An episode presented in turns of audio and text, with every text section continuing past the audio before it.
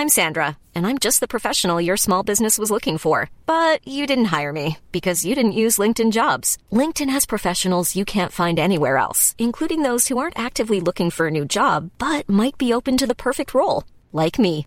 In a given month, over 70% of LinkedIn users don't visit other leading job sites. So if you're not looking on LinkedIn, you'll miss out on great candidates like Sandra. Start hiring professionals like a professional. Post your free job on linkedin.com/people today.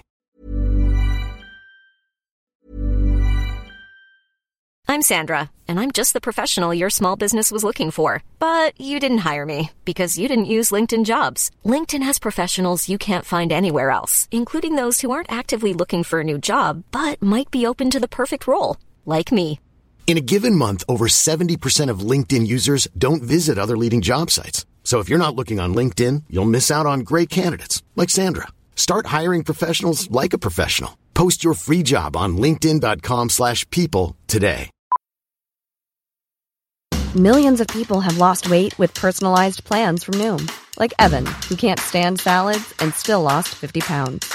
Salads, generally, for most people, are the easy button, right? For me, that wasn't an option. I never really was a salad guy. That's just not who I am. But Noom worked for me. Get your personalized plan today at Noom.com. Real Noom user compensated to provide their story. In four weeks, the typical Noom user can expect to lose one to two pounds per week. Individual results may vary. Halo teman-teman, Ganteng-Ganteng Manchester United Podcast balik lagi dengan gua Alvin. Singkat aja, gimana nih persiapan untuk MU melawan Bayern Munchen? Laga penentuan di mana kalau kita menang itu pun belum tentu lolos karena kita pun harus berharap kalau Galatasaray ini berakhir imbang dengan Copenhagen. Kalau salah satu dari mereka ada yang menang, Iya, kita udah pasti ke ranking 3 gitu. Jadi gua kali ini akan membahas pertandingan tersebut, preview yang mana chance untuk kita menang menurut gua ada, tapi kemungkinan kita untuk kalah juga ada gitu. Dan kalaupun kita kalah bisa jadi karena banyaknya hal-hal yang sifatnya kayak kemarin lah, kayak lawan Bournemouth ya. Hal-hal yang sifatnya harusnya bisa kita hindari, individual mistake, yang mana sebetulnya pondasi kita itu udah bagus. Build up-nya sebenarnya udah ke arah sana gitu. Tapi ketika kita lagi membangun serangan misalnya, kemudian terjadi hal-hal seperti kemarin ya, ada miskom antara eh, Bruno dan Scott McTominay, kemudian Bruno dan Amrabat, kemudian kita kena counter satu kali dan Dominic Solanke langsung golin gitu. Itu hal yang sangat mungkin terjadi juga di pertandingan lawan Munchen. Apalagi Munchen ini kalau yang kita lihat ya itu em, kemarin sebenarnya MU ataupun Munchen sama-sama mendapat hasil yang tidak baik ya di lawan eh, di liganya kemarin ya. MU lawan Bournemouth, kemudian Bayern juga lawan eh, Frankfurt ya kalau nggak salah dibantai 5-1 gitu. Jadi menurut gua ini adalah dua tim yang pesakitan di weekend lalu dan ingin mungkin em, membalas dendam ya atas performanya kemarin. Jadi ini sama-sama kuat meskipun MU ini posisinya lebih membutuhkan kemenangan. Sedangkan Munchen pun sebetulnya mainin lapis dua juga nggak masalah. Cuma balik lagi yang tadi gue bilang, Munchen ada ambisi di mana ingin memperbaiki performa terakhir kemarin gitu. Dan untuk MU sendiri, kondisi skuad sebenarnya nggak banyak perubahan dari lawan Bournemouth kemarin. Cuma bedanya ada Martial sama Rashford yang katanya sakit, jadi belum tentu bisa masuk ke skuad gitu. Jadi ini dua pemain absen, malah kita nggak tahu ya apakah ini adalah em, hal yang baik atau hal yang buruk gitu kan. Gue juga nggak tahu, tapi melihat performa mereka di beberapa pertandingan terakhir, sepertinya harusnya ya ini menjadi kabar yang baik ya, at least untuk pada saat ini gitu. Jadi kita bisa eh, memastikan bahwa Højlund yang akan bermain gitu, bukan Martial. Dan kita juga bisa memastikan bahwa kiri yang bermain adalah Garnacho, bukan Rashford gitu.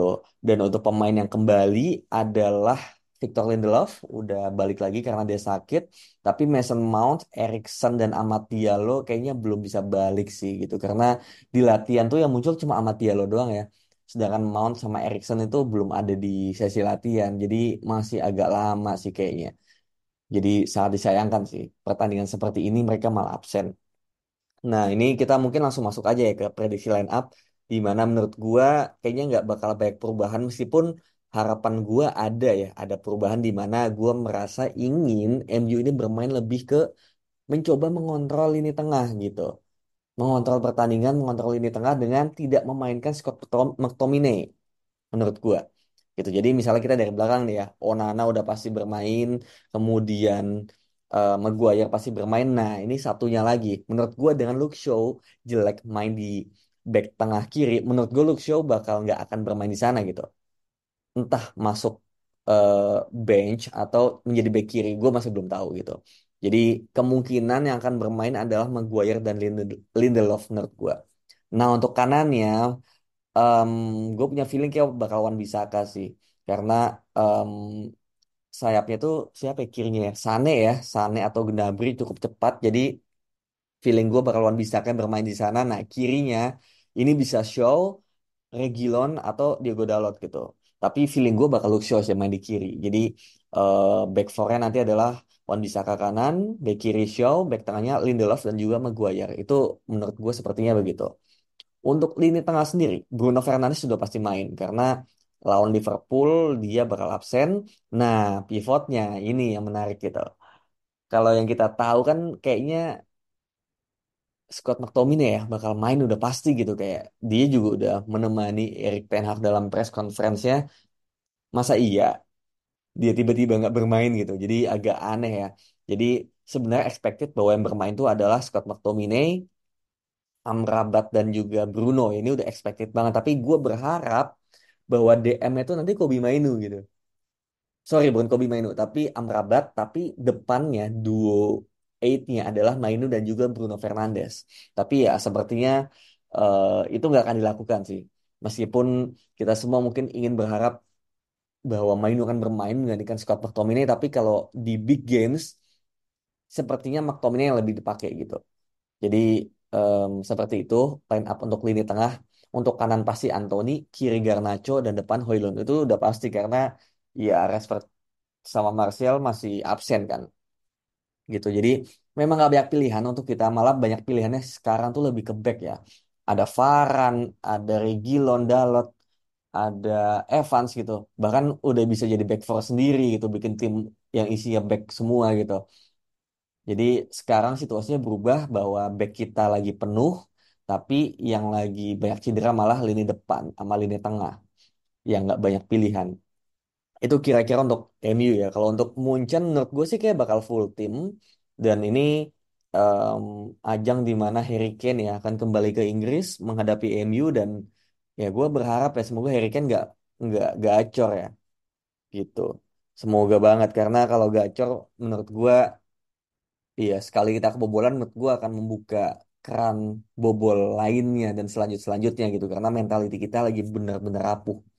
Benar aja kita dari satu nol bisa jadi tiga nol gitu, apalagi Munchen gitu. Jadi kalaupun kita kebobolan dulu, menurut gue mentality kita, mentality state itu harus bagus banget. Dan menurut gue um, pertandingan nanti kalau yang gue lihat sepertinya ya MU akan lebih banyak memegang bola terlebih dahulu, lebih lama, lebih um, apa ya, mendominasi sambil Munchen ini berusaha pressing dan juga uh, merebut bola gitu. Karena Munchen juga sebenarnya udah nggak ada um, apa ya, mungkin tekanan ya untuk bisa menang atau imbang bahkan yang penting mereka hanya bermain simple dan ya udah gitu, asalkan nggak usah gerasa gerusuk gitu karena kan ada potensi cedera juga ya memasuki bulan Desember. Jadi menurut gua Munchen akan bermain nggak terlalu Spartan, bakal lebih nyantai tapi quality tetap mereka punya gitu karena pemainnya berkualitas gitu. Sedangkan MU ini yang tekanannya besar dan harus menang gitu. Jadi menurut gua rentannya di situ. Rentannya MU kan adalah MU pegang bola tapi nggak bisa bikin peluang dan sekalinya counter rest defense kita. Rest defense itu rest defense itu adalah um, pemain yang tersisa ketika kita kena counter attack. Nah, itu strukturnya masih jelek banget. Jelek banget. Dan um, kayak kita sering lihat Amrabat sendirian, kemudian sisa tinggal back tengahnya di belakangnya sama full backnya yang mungkin uh, ikut ngejar berlari gitu. Dan itu gua nggak tahu sih harusnya gimana. Cuma sangat terlihat dari permainan bahwa ketika itu situasinya, ya udah hampir pasti kita bukan kebobolan ya, tapi setidaknya pemain itu akan dengan mudahnya masuk ke kotak penalti kita gitu. Jadi struktur bertahan kita itu masih banyak banget PR-nya gitu. Unless kita bisa bermain seperti melawan Chelsea kemarin, menurut gue kemungkinannya bakal gede banget buat menang gitu. Jadi menurut gue sih sebenarnya kita nggak perlu mikirin pertandingan lawan Liverpool dulu ya. Kita mending menurut gue kita fokus untuk di Munchen dulu gitu karena ya kalau kita terlalu fokus sama Liverpool dan kita malah ngelepas Munchen yang sekarang gitu. Ya ini sebenarnya dua perspektif sih bisa aja kita memandang kayak udahlah kita lepas Munchen karena biar kita nggak lolos aja and then fokus di liga. Tapi satu sisi kita juga bisa menjadikan lawan Munchen ini adalah ajang di mana untuk gain confidence gitu. Jadi ini adalah laga yang sangat eh, tricky. Kita mau melihatnya seperti apa. Dan melihat kita udah kalah lawan Bournemouth kemarin, kalau misalnya kita lepas match ini lawan Munchen dan kalah lagi, menurut gue malah meskipun dari sisi kebugaran itu kita bagus, tapi dari sisi mentality kita bakal jatuh, men. Kita di Old Trafford dua match terakhir kalah lawan Bournemouth dan Munchen gitu. Jadi daripada seperti itu, gue lebih memilih untuk meningkatkan eh, mental ya gitu. Dari sisi ya kita harus menang lawan Munchen ini. Lawan Liverpool itu nanti deh kita pikirin. Yang penting lawan Munchen main bagus dan menang. Itu dulu aja untuk mengembalikan kepercayaan diri para pemain dan juga mengembalikan mentalnya dulu lah gitu kalau kita kalah dua kali berturut-turut kan tekanan juga ada di pelatih juga dan para pemain. Jadi gua sekarang mungkin kemarin gue sempat bilang bahwa udahlah kita lepas Munchen. Tapi melihat kita juga kalah lawan Bournemouth ya, gue merasa bahwa ini adalah pertandingan yang wajib menang, nggak cuma karena tiga poin dan nggak cuma karena kita butuh lolos, tapi karena untuk kepercayaan diri. Itu menurut gue dan ini pemain harus bisa membuktikan setelah lawan Bournemouth kemarin mainnya jelek gitu dan mostly jelek di Munchen ini mereka harus membuktikan bahwa ya masih bisa bermain di level tertinggi melawan tim yang memang sedang ya menurut gue mungkin Munchen juga nggak lagi di performa terbaiknya ya. Mungkin apa ya dia di liga juga ranking 2 atau ranking 3 gitu intinya masih belum bisa menemukan performa terbaiknya bahkan dibantai sama Frankfurt 5-1 gitu. Jadi menurut gua ini adalah tim yang secara kualitas individu bagus tapi secara permainan itu sebenarnya belum sempurna. Nah itu dia. Itu dia hal di mana menurut gua kita ada celah. Bahkan kalau kita flashback ke away match kita ketika kita ke Allianz Arena menurut gue kita juga main nggak jelek-jelek banget gitu. Kita bisa bikin peluang dari menit awal kita bisa pressing kita bisa build up. Munchen itu jelek ketika kita away ke Allianz cuma kita lebih jelek lagi ketika bertahan gitu loh Onana blunder kita kena penalti gitu jadi gol-gol yang Munchen juga adalah gol-gol yang bisa dihindari jadi gue sebenarnya tidak merasa Munchen itu sebagus itu ya menurut gue dan ketika memang situasinya seperti itu, MU harus memanfaatkan situasi di mana jangan sampai ada kesalahan individu, apa pun itu gitu. Kemarin Onana udah nggak blunder, tapi yang blunder malah pemain lain gitu. Jadi kayak blunder ini adalah sebuah hal yang nggak pernah bisa lepas dari MU di musim ini gitu. Jadi menurut gua kita sangat berpotensi untuk menang asal kita nggak blunder dan kita nggak melakukan individual mistake itu. Karena gue merasa ya mungkin emang gitu-gitu aja musim ini. Dia nggak sebagus itu. Bola di kita. Kalau kita bisa manfaatin kita bisa menang. Meskipun belum tentu lolos ya. Tergantung Copenhagen dan Galatasaray gitu. Jadi ini sangat-sangat tricky yang gue khawatir adalah kita udah menang tapi ternyata eh, tetap nggak lolos gitu. Dan ranking 3 masuk Europa League itu malah kayak ya sayang banget gitu ranking 3 menurut gue malah malah bencana gitu kita masuk Europa League gitu. Mending nggak lolos kalian gitu. Cuma mindset kita nggak boleh kayak gitu. Mindset kita adalah tetap menang untuk gain confidence dulu gitu. Masalah ujungnya nanti kita masuk mana lolos atau enggak itu ya udahlah gitu. Itu itu dari di luar kendali kita pada saat ini gitu. Ya ini bagian dari kesalahan kita juga di mana lawan Galatasaray nggak bisa menang. Tapi untuk sekarang menurut gue yang penting gue mau lihat pemain ini total bermain full press seperti lawan Chelsea ketika kita pressing fullbacknya juga maju ambil resiko Spartan setengah jam pertama gue pengen lihat gitu dan harus bisa cetak gol gitu. Kita turnover itu tinggi banget gitu, gitu. Turnover itu adalah momen di mana kita pressing dan kita bisa mendapatkan bola dan kita memulai serangan dari pressing itu Tapi sayangnya, sayangnya yang leading to goal itu nggak banyak, men. Berarti kan sebenarnya pressing kita udah berhasil. Strategi Ten Hag udah berhasil untuk pressing. Tapi para pemain depan kita nggak bisa manfaatin peluang itu jadi gol gitu. Nah inilah PR kita gitu. Dan Hoylund dengan 5 gol di Liga Champions gue harap ini akan bertambah ya jadi 7 atau 8 gitu kan. hat kalau bisa karena di Liga Inggris belum bisa supaya gue mau uh, apa ya Hoylund ini membungkam para uh, pengkritiknya gitu yang yang merasa bahwa ya Hoylund ini flop gitu. Yang gue juga sangat nggak setuju kalau Hoylund ini flop. Dia hanya belum mendapatkan servis yang bagus aja gitu. Ketika kita melihat ya lawan Bournemouth kemarin dia segitunya nggak dapat bola gitu. Sekali ya dapat ya bolanya di block back. Ya mau gimana gitu. Namanya juga di block sama uh, pertahanan. Jadi menurut gue ini momen di mana Hoylund nih bisa uh, mencetak gol lagi dan membungkam para pengkritiknya dan juga Garnacho setelah kemarin itu agak apa ya mungkin nggak bagus gue harap dia bakal bagus juga. Anthony juga ya. Anthony di mana menurut gue juga kemarin nggak jelek ya. Dia bagus cuma ya dia butuh bantuan men gitu. Dia butuh bantuan dari fullbacknya dan juga dari attacking midfieldnya untuk berkombinasi dan gue harap di sini juga dia kembali menunjukkan kualitasnya ya sebagai pemegang kelebaran di sisi kanan gitu. Banyak orang yang bilang bahwa ini Anthony apa sih fungsinya gitu, perannya apa. Tapi ya dia sistem player gitu. Dia bisa menjaga kelebaran, menjaga width, menjaga bola, ball retentionnya bagus, dan pressingnya juga bagus gitu. Kalau timnya bagus, ya Anthony bisa ikutan bagus gitu. Jadi memang tergantung. Dan gue harap Scott McTominay juga bisa mengurangi kesalahan-kesalahan elementer seperti kemarin Bournemouth dia banyak kesalahan passing dalam build up yang menurut gue harusnya bisa dihindari gitu. Jadi harapannya juga Scott McTominay kalau bisa golin itu bakal jauh lebih bagus gitu gitu sih. Dan back kita gue harap semoga mereka nggak banyak blunder bisa build up dengan baik dari bawah. Dan Onana juga ya gue harap banget Onana please ya please banget ya. Please jangan melakukan hal yang aneh-aneh gitu. Yang gue takutkan kan gitu kayak lawan Galatasaray. Pemain depan kita udah bagus pemain tengah kita udah bagus udah golin eh Onananya blunder gitu.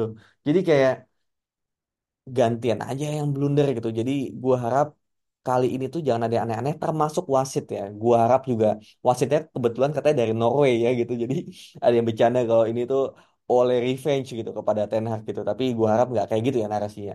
Bahwa wasit dari Nor Norway ini semoga nantinya bisa fair dan tidak terlalu apa ya. Ya ya fair aja lah gitu dan semoga kita juga tidak dinaungi bad luck.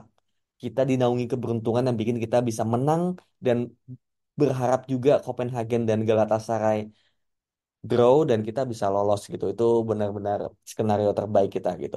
Jadi itu aja dari gua. Gua yakin MU bisa menang asal tadi semua yang gua udah bilang itu terjadi. Kita nggak melakukan kesalahan elementer itu aja. Itu aja dari gua. See you in the next episode. Bye bye.